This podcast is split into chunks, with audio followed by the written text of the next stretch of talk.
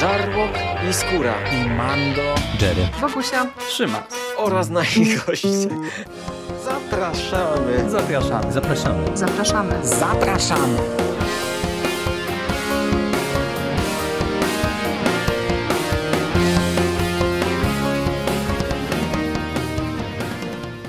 Cześć, z tej strony Michał Rakowicz, czyli Jerry i zapraszam Was dzisiaj na kolejną odsłonę przeglądu komiksowego, już czwarty odcinek, e, ale odcinek e, trochę inny od e, trzech wcześniejszych. Po pierwsze, będziemy mieli tutaj mniejszą zawartość Batmana w tym przeglądzie komiksowym.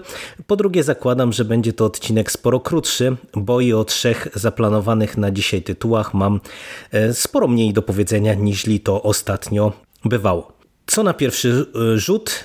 Czarna Orchidea ze scenariuszem Nila Gaimana i z rysunkami Dave'a McKeana. Komiks ten został u nas wydany przez Egmont.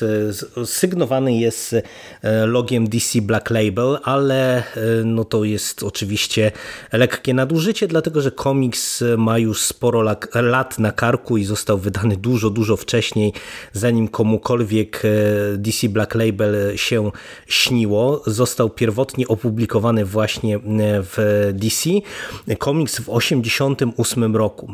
I jest to komiks o tyle gdzieś tam ciekawy czy e, istotny, że tutaj mamy Gaimana tuż przed e, rozpoczęciem prac nad Sandmanem e, i mamy tutaj Dave'a McKina tuż przed jego pracą nad Azylem Arkham, czyli jednym z tych ikonicznych komiksów o Batmanie, które pod koniec lat 80., na początku lat 90. zdobyły, zdobyły szturmem serca fanów.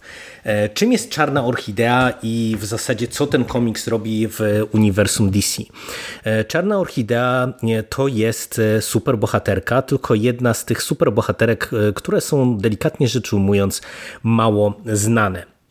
Ja się przyznam, że w ogóle nie kojarzyłem tej postaci, a wydawało mi się, że gdzieś tam w tej superbohaterszczyźnie e, mimo wszystko siedzę i gdzieś tam kojarzę przynajmniej te e, jakoś tam istotniejsze postaci. No, jak się okazało, nadal e, mnie superbohaterszczyzna, nawet ta mainstreamowa potrafi zaskoczyć.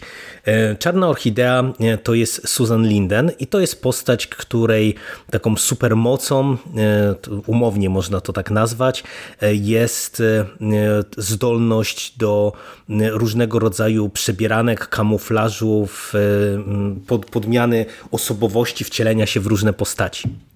I komiks rozpoczyna się z bardzo wysokiego C, dlatego że Susan Linden infiltruje organizację Lexa Lutora i ginie ginie. Zostaje y, schwytana y, w przebraniu.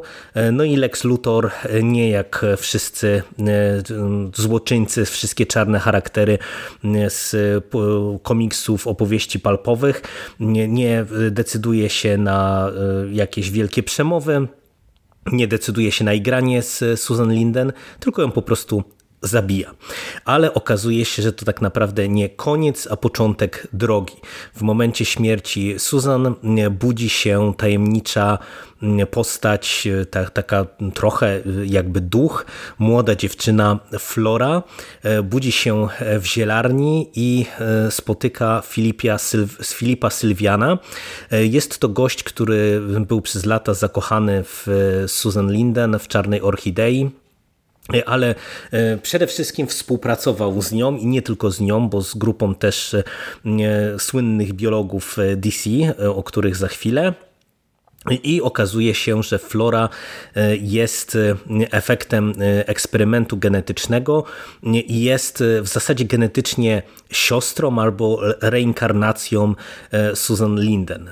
Flora z jednej strony ma dostęp do wspomnień Susan, z drugiej strony no, musi się odnaleźć w nowym świecie i dowiedzieć się, kim tak naprawdę jest, a jak się szybko okazuje, nie jest jedyną inkarnacją, czy jedyną taką właśnie genetyczną siostrą E, Susan, e, bo pojawia się jeszcze także e, małoletnia Suzy, No i nasze e, dwie zwiewne postaci e, zaczynają prywatne śledztwo, aby dowiedzieć się coś, e, kim tak naprawdę są, do, do czego zostały stworzone, jaka jest ich rola po przyjściu na świat, a z drugiej strony stają się obiektem polowania.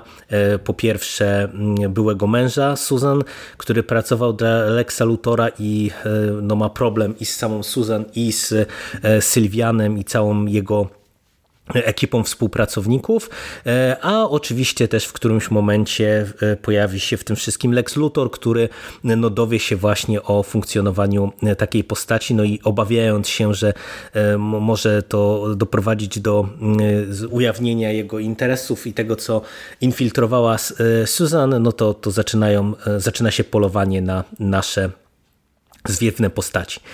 E, no i teraz tak, e, najpierw e, fabuła. Z jednej strony jest to komiks e, zanurzony w superbohaterszczyźnie, e, no ale to jest komiks zanurzony w superbohaterszczyźnie tak po Gaimanowemu, czyli z jednej strony mamy faktycznie bardzo dużo z tych postaci, które kojarzymy z DC, z naczelnym przeciwnikiem w postaci Lexa Lutora, pojawia się Batman, pojawia się Czarna Orchidea, która także jest przecież właśnie tą superbohaterką z uniwersum DC.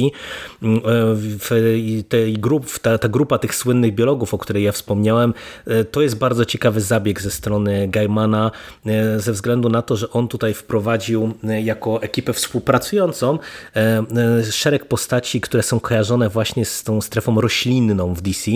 Mam na myśli tutaj oczywiście Jasona Woodru, Aleka Hollanda, czyli to są te, te dwie postacie, które są kojarzone z serią Potwór z Bagien najbardziej.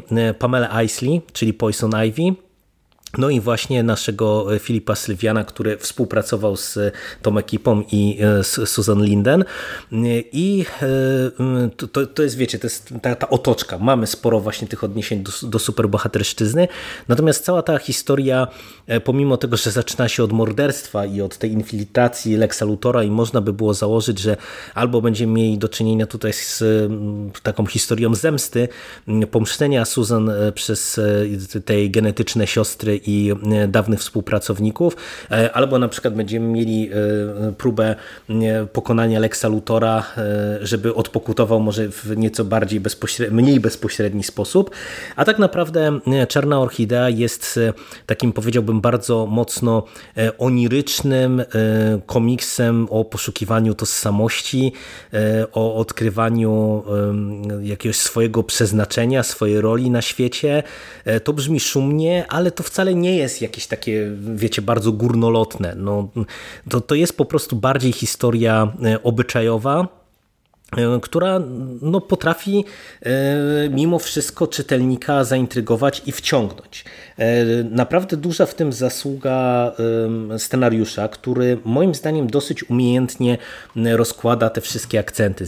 Z jednej strony my jesteśmy dosyć mocno zagubieni, no bo wiecie, tutaj co i rusz wyskakują rzeczy, no, które trudno nam pojąć, bo i często sami bohaterowie nie wiedzą, z czym mają do czynienia, ale jest to na tyle przejrzyście i w intrygujący sposób podane, że napędza to akcję. Cały czas jesteśmy zainteresowani, do czego to doprowadzi, jaki, jaka będzie konkluzja właśnie tego komiksu.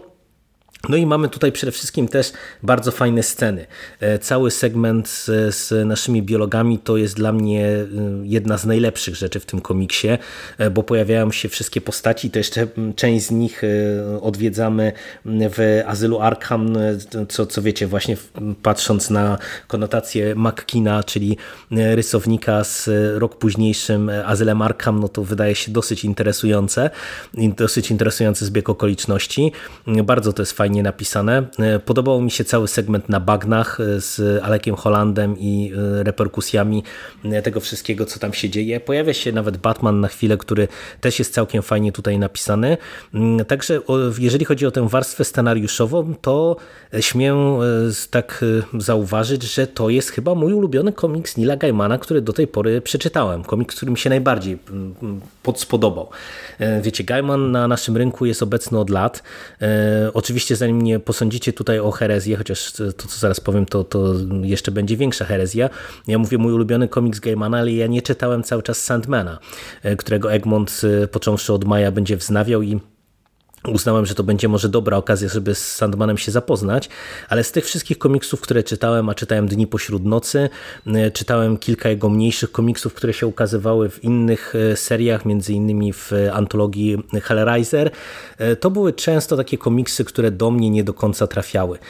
A ten Gunman pojawia się cały czas, bo to, to też nawet dosłownie na dniach ukazuje się kolejny jego zbiór, historie prawdopodobne, czyli no jest go sporo, ale no mówię, ja trochę nie rozumiałem tego fenomenu. Ja, dla mnie trochę e, Gaiman był twórcą e, tego rodzaju, jeżeli chodzi o te komiksowe, krótsze opowieści, który był ciut nazbyt oniryczny, ciut nazbyt enigmatyczny ja nie do końca czułem o co mu chodzi. I oczywiście trochę też Czarna Orchidea jest tego rodzaju komiksem. Tutaj e, on jest fajnie spuentowany. Te, te wątki wszystkie w sumie z jednej strony się ładnie nam zamykają, e, ale z drugiej strony no, no to, to, zakończenie znowu jest otwarte i tak po prawdzie to można by dyskutować o co Gaimanowi chodziło, co on chciał e, czytelnikom tutaj zaproponować. Nie zmienia to postaci rzeczy, że to jest według mnie właśnie najlepsza z tych wszystkich jego historii, które ja czytałem które się w Polsce e, ukazały z tych jego krótszych e, komiksów, a na e, dobry odbiór Czarnej Orchidei ma oczywiście też wpływ Dave McKean. Ja nie jestem jakimś wielkim orędownikiem jego stylu, dlatego że to jest ten styl taki, wiecie, quasi fotograficzny, bardzo realistyczny, z ostrą kreską. Tutaj dodatkowo ten komiks mocno bawi się kolorami. Z jednej strony mamy tutaj bardzo dużo czerni i wszelkiej maści szarości, z drugiej strony przez to, że i Flora, i Suzy, e, i, i wiele innych postaci jest związanych z roślinami, no to właśnie mamy całe sekcje, gdzie e, dominuje zielony albo fiolet na przykład, bo, bo tutaj te nasze genetyczne siostry są z fioletem jakoś tam związane. E, mamy często te kadry przełamywane kolorystycznie i to się sprawdza bardzo dobrze. Też co ciekawe, ten komiks jest prowadzony w charakterystyczny sposób. W zasadzie większość stron e, to jest e, od 6 do 8 kadrów takich wzdłużnych, nie takich kwadratowych, nie wiem, które możecie kojarzyć chociażby z tym, co Mur e, proponował w Strażnikach. Tutaj to są takie kadry podłużne. Czasem mamy przełamanie w postaci, wiecie, kadru na całą stronę albo jakiegoś innego ułożenia, ale to jest mniejszość. Przy czym to się po prostu dobrze czyta i dobrze ogląda. Ten styl McKina, który jest dosyć statyczny. Mam wrażenie, że też e, dobrze pasuje do tej opowieści, właśnie takiej trochę onirycznej, trochę takiej powolnej, trochę mm, e, specyficznej na swój sposób. E, także spotkało się dwóch twórców, którzy wydaje mi się, że stworzyli dobry duet, bo po prostu no, bardzo dobrze się rozumieli i od strony wizualnej to ten komiks robi naprawdę świetną robotę. No i całościowo no, ja uważam, że to jest naprawdę bardzo e, porządne e, czytadło. Nic absolutnie wielkiego, nic zapadającego w pamięć, nic co by odmieniło jakoś tam komiks superbohaterski. Dość powiedzieć zresztą, że pomimo tego, że Czarna Orchidea, Orchidea kilka lat później dostała swój ongoing, no to już nie pracował przy niej Gaiman, pracujący wtedy przy Sandmanie, no i gdzieś ta seria też e, zniknęła, no i jak widać nie przebiła się czarna orchidea, orchidea do e, szerszej świadomości, e, co nie zmienia postaci rzeczy, że jeżeli ktoś lubi właśnie takie trochę nietypowe podejście do superbohaterszczyzny i lubi Gaimana, lubi styl McKina, no to absolutnie powinien się tym albumem zainteresować. Jeżeli chodzi o Czarną Orchideę, to tyle. E, jako drugi komiks e, to będzie króciutka opowieść, bo i sam komiks jest krótki, e, a do tego omawiał go już Szymas w nawiedzonym podcaście. Postaram się gdzieś tam wrzucić, czy w posta, czy w filmik na YouTubie odniesienie do, do tej recenzji, a mianowicie komiks, który wziąłem na warsztat, to jest Głodny Jaś i Żarłoczna Małgosia autorstwa Zawki. Dzieło w pełni autorskie, bo ono odpowiada tutaj i za rysunki, i za scenariusz. Ten komiks zresztą tutaj kolega Szymas mi kiedyś sprezentował i dla, co on tutaj robi, pomimo, że ma już recenzję w konglomeracie, no ja między innymi odpaliłem ten przegląd komiksowy, żeby się zmobilizować do wyczytywania różnego rodzaju zaległości, które mam na półkach, no i w końcu stwierdziłem, że to będzie dobra okazja, żeby sięgnąć po tenże tytuł, no i ja jestem absolutnie zachwycony, naprawdę. Nie, nie miałem do czynienia jakoś bardzo dużo z Zawką, dlatego że w zasadzie wcześniej to czytałem tylko kilka stron z jej rysunkami do Innsmouth Kopa autorstwa Łukasza Kowalczuka, komiksu, który ku mojemu wielkiemu ubolewaniu nie przebił się na Kickstarterze i no chyba ten projekt ostatecznie umarł, bo wydaje mi się, że Łukasz Kowalczuk z Zawką próbowali go podejść kilkukrotnie do wydania e, pełnego albumu i, i wydaje mi się właśnie po, po tej porażce na Kickstarterze gdzieś mi mignęło, że Łukasz pisał, że, że już odpuszcza ten temat. Szkoda, bo to była bardzo fajna rzecz i tam podobały mi się te mm, e, rysunki Zawki, e, takie bardzo charakterystyczne, nieco mm, surrealistyczne, z takimi wydłużonymi, dziwnymi głowami postacie, trochę jak z jakiegoś body horroru, bo one są takie powykrzywiane często, z rysowanym w zasadzie jednym okiem e, no, no, budzące e, grozę i konsternację i niepokój, ale ten styl fantastycznie pasuje do e, opowieści bo to jest oczywiście reinterpretacja, e, jakaś reimaginacja, e, retelling klasycznej opowieści o Jasiu i Małgosi, tylko w takim e, narkotykowym, czy będąc precyzyjnym, grzybowym sosie. Bardzo tripowa rzecz, ale naprawdę no ja jestem zachwycony. Ten komiks się sprawdza niesamowicie dobrze, e, tym bardziej, że ten styl zawki w połączeniu z bardzo ostrą, kwasową jazdą, którą tutaj dostajemy od strony fabularnej, e, no, robi niesamowitą robotę, a to jest jeszcze fantastycznie pokolorowane. E, ja pomimo tego, że nie jestem jednym z tych czytelników komiksów, który, który uważa, że nie wiem, komiks czarno-biały jest jakiś gorszy, i lubię też czarno-białe komiksy. E, e, bardzo mi się podoba i bardzo cenię, jeżeli twórcy umieją wykorzystać w fajny sposób kolor, e, a tutaj ten króciutki zeszycik to jest po prostu absolutna petarda pod tym kątem. Feria bardzo jaskrawych, takich właśnie kwasowych barw, świetnie wykorzystanych i to jest po prostu taki zeszycik, który e, można powiedzieć, że jest e, doskonałym, doskonałą jednością e, treści i formy, no i wypada po prostu fantastycznie. Ja Wam polecam, jeżeli byście kiedyś E, nie wiem, gdzieś tam mieli okazję go jeszcze nabyć. E, no, nie wiem, czy on jeszcze w sumie jest dostępny, ale możliwe, że można go jeszcze gdzieś trafić na jakieś gildii e, czy w mniejszych sklepach komiksowych. No i polecam Wam ten, ten zeszycik zawki, bo to jest rzecz, której myślę, że nie zapomnicie, pomimo, że, że krótka, to zostająca w pamięci na długo. I na koniec, e, co zabawne, podcast nagrywany w dniu, kiedy wy będziecie mieli okazję posłuchać o pierwszym tomie tego komiksu.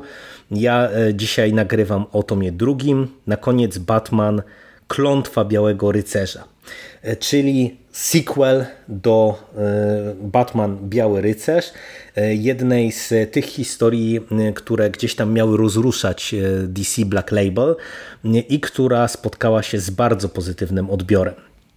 I raczej będzie krótko, dlatego że sporo o samym Białym Rycerzu już Wam powiedziałem, a to jest y, klasyczny sequel, czyli mamy w zasadzie więcej tego samego y, i y, Murphy kontynuuje historię bardzo wprost, dopisując tylko dodatkowe konteksty do tego, co już widzieliśmy. Czyli tutaj zabierając się za klątwę Białego Rycerza, wypadałoby znać samego Białego Rycerza, wypadałoby znać historię Jacka Napiera, Jokera, Harley Quinn, e, Batmana i tego, co się w Gotham e, wydarzyło. E, no bo tutaj Murphy bardzo wyraźnie do tego nawiązuje, mamy bardzo dużo odniesień i wydaje mi się, że jeżeli ktoś z tym wcześniejszym komiksem się nie zapozna, to nie tylko będzie miał problem z wyczytaniem pewnych kontekstów, ale przede wszystkim no myślę, że popsuje sobie zabawę, no bo jednak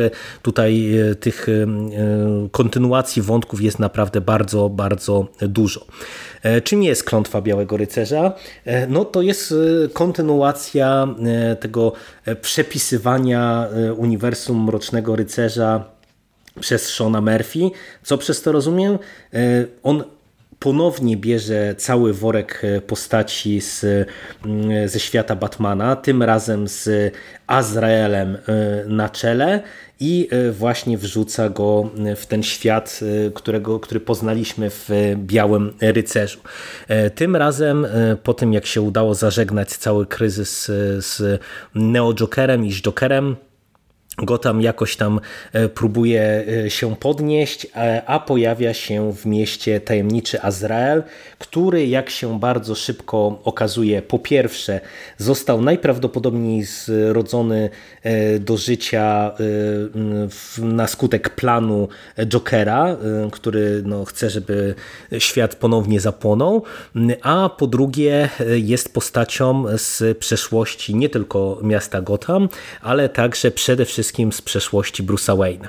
E, I to jest historia pod tym kątem e, odmienna od tego, co widzieliśmy w Białym Rycerzu, bo jakkolwiek tam mieliśmy ten wątek z przeszłości, e, wątek rodziny von Frizów, tak tutaj ta przeszłość jest istotnym elementem, który stanowi taką, taki refren, dodatkową melodię, która cały czas się przywija nam w tle praktycznie w każdym zeszycie, dlatego że my sięgamy do początku rodziny Wayne Wayne'ów e, i do początku narodzin miasta Gotham, e, takie jakie znamy w obecnym kształcie. Widzimy jak to się stało, że rodzina Wayne'ów no, w pewien sposób e, ukształtowała, czy przyczyniła się do powstania Gotham, jakie znamy, no i jakie to trupy w szafie e, Wayne'ów e, leżą. Batman, który nic o tym nie wie, stopniowo odkrywa także tę zagadkę, mm, a no, musi radzić sobie z różnymi problemami, bo sam Joker świetnie się bawi tutaj manipulując, czy realizując swój plan i manipulując Azraelem, a Azrael, który wydawał się początkowo postacią jakoś tam pod kontrolą, bardzo szybko no, wymyka się spod kontroli, a że jest ultra brutalny, e, zaczyna siać chaos i zniszczenie i realizować jakiś tam swój e, plan.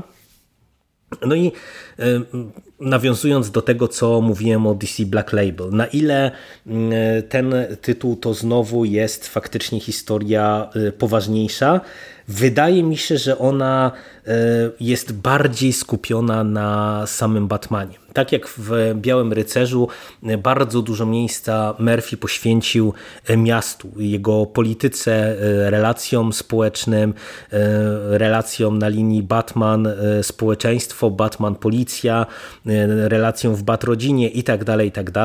Tak Tutaj zdecydował się położyć akcent przede wszystkim na historię e, i e, trochę pobawić się e, takim tropem jakby kim jesteśmy, czy tworzy nas przeszłość i na ile tworzy nas przeszłość, a na ile to my sami stanowimy o swoich wyborach i budujemy swoje dziedzictwo. I wydaje mi się, że ponownie osiągnął Murphy sukces. E, jest to komiks dużo bardziej e, przygodowy, e, powiedziałbym, w stosunku do Białego Rycerza, właśnie ze względu na to, te odniesienia do tej historii, do tej przeszłości, która się rozgrywa te 300 lat wstecz, ale jest naprawdę bardzo zgrabnie napisany, bardzo dobrze rozpisany. A co więcej, Murphy znów robi dobrze to, co zrobił także w Białym Rycerzu, czyli wyciąga te różne smaczki z historii y, Batmana, tak jak właśnie chociażby Azraela, tak jak y, powracający wątek Jokera, tak jak y, biorąc na pierwszy plan gdzieś też także Harley Quinn, która była ważną postacią w Białym Rycerzu, a tutaj już jest w zasadzie postacią, która gra oprócz Batmana pierwsze skrzypce. Nawiązuje do wielu wydarzeń ikonicznych z historii Batmana, bo tutaj mamy e, wątek e, Barbary Gordon e, poprowadzony w dosyć zaskakujący sposób. No to jest naprawdę bardzo, bardzo dobrze pisana pod tym kątem zabawy tym uniwersum Batmana historia i E, pomimo tego, że powiedziałem, że to jest komiks dużo bardziej przygotowy, to widać, że Murphy konsekwentnie rozwija te wątki i podejmuje te tematy, które w Białym Rycerzu e, też e, podjął, bo oprócz tego, że właśnie na główny plan wysuwa nam się ta kwestia dziedzictwa i, i tego, kto kształtuje nas i, i jak się zapiszemy w historii, to tutaj wszystkie te wątki społeczno-obyczajowe, kwestie polityczne są bardzo istotne, no bo żeby nie zdradzać za dużo, tutaj tutaj jednym z głównych e, wątków czy sił sprawczych e, w kontekście Azraela jest nie tylko Joker, ale także walka elity, e, elit miasta Gotham, która no, można powiedzieć, że na swój sposób dorabia się na super przestępcach i Batmanie i walki pomiędzy tymi dwoma frakcjami. E, także no, moim zdaniem to jest naprawdę e, kolejny porządny komiks autorstwa Murphy'ego z niezmiennie fantastycznymi rysunkami. Naprawdę ja bardzo, bardzo lubię ten dynamizm, który Murphy ma w swojej kresce i to i w kontekście portretowania postaci, i ich mimiki, tego jak się zachowują, jak się poruszają i w kontekście walk. No, to, to naprawdę jest, nie wiem czy nie jeden z moich ulubionych rysowników obecnie, e, bo on potrafi fantastycznie zdynamizować to wszystko, co pisze i przez tę, tę jego taką jakąś dzikość i drapieżność e, to się po prostu rewelacyjnie czyta, bo nawet jeżeli właśnie mamy scenę, sceny jakieś tam spokojniejsze, dialogowe, a no to jest komiks dla e, gdzieś tam czytelnika trochę dojrzalszego, więc no tutaj to, to nie jest tak, że tylko jest wszystko napędzane akcją, i, i tych dialogów mamy dużo, no to czuć właśnie taką jakąś podskórną dzikość w tych rysunkach. A Egmont zrobił nam e, niespodziankę, e, bo klątwa Białego Rycerza w polskim wydaniu jest powiększona o dodatkową historię. Batman Biały Rycerz przedstawia Von Fries.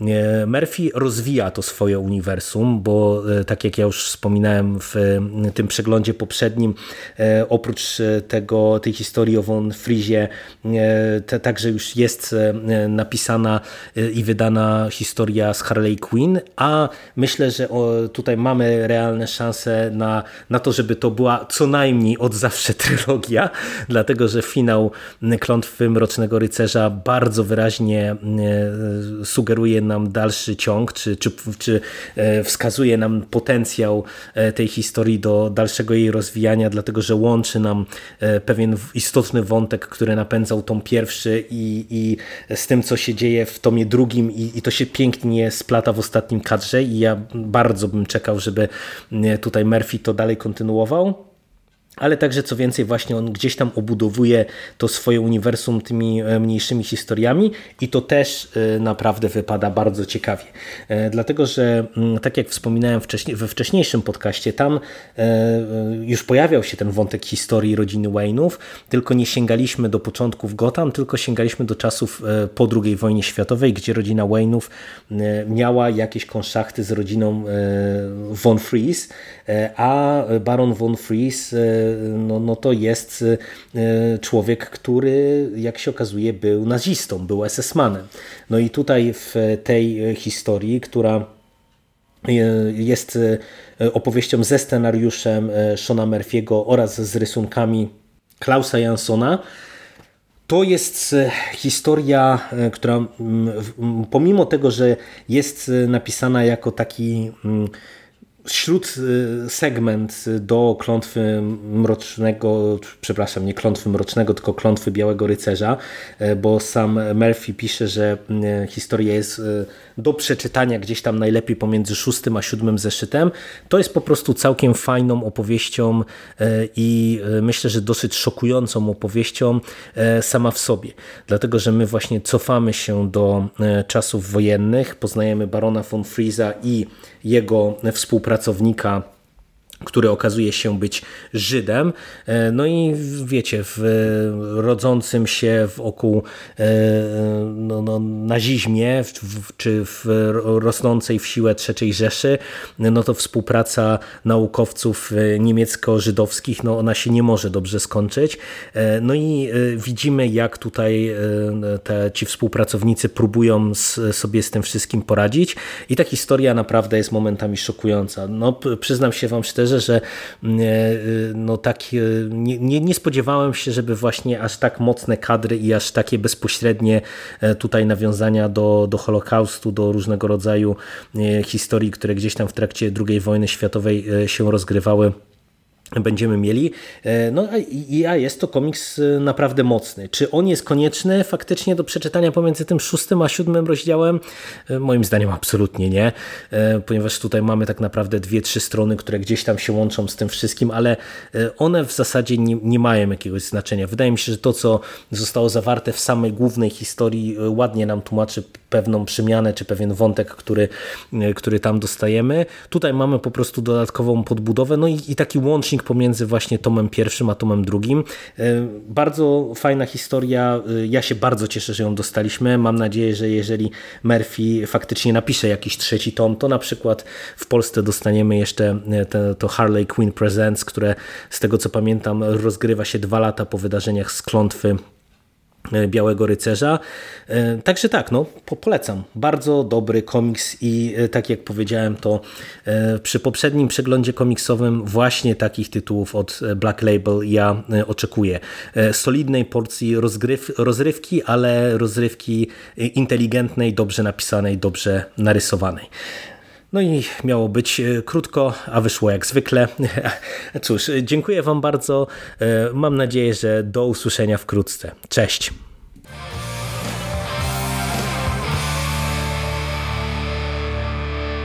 You finished? That's it, man. Game over, man. It's game over. What the fuck are we gonna do now? What are we gonna do? It's over. Nothing is over! Nothing! You just don't turn it off!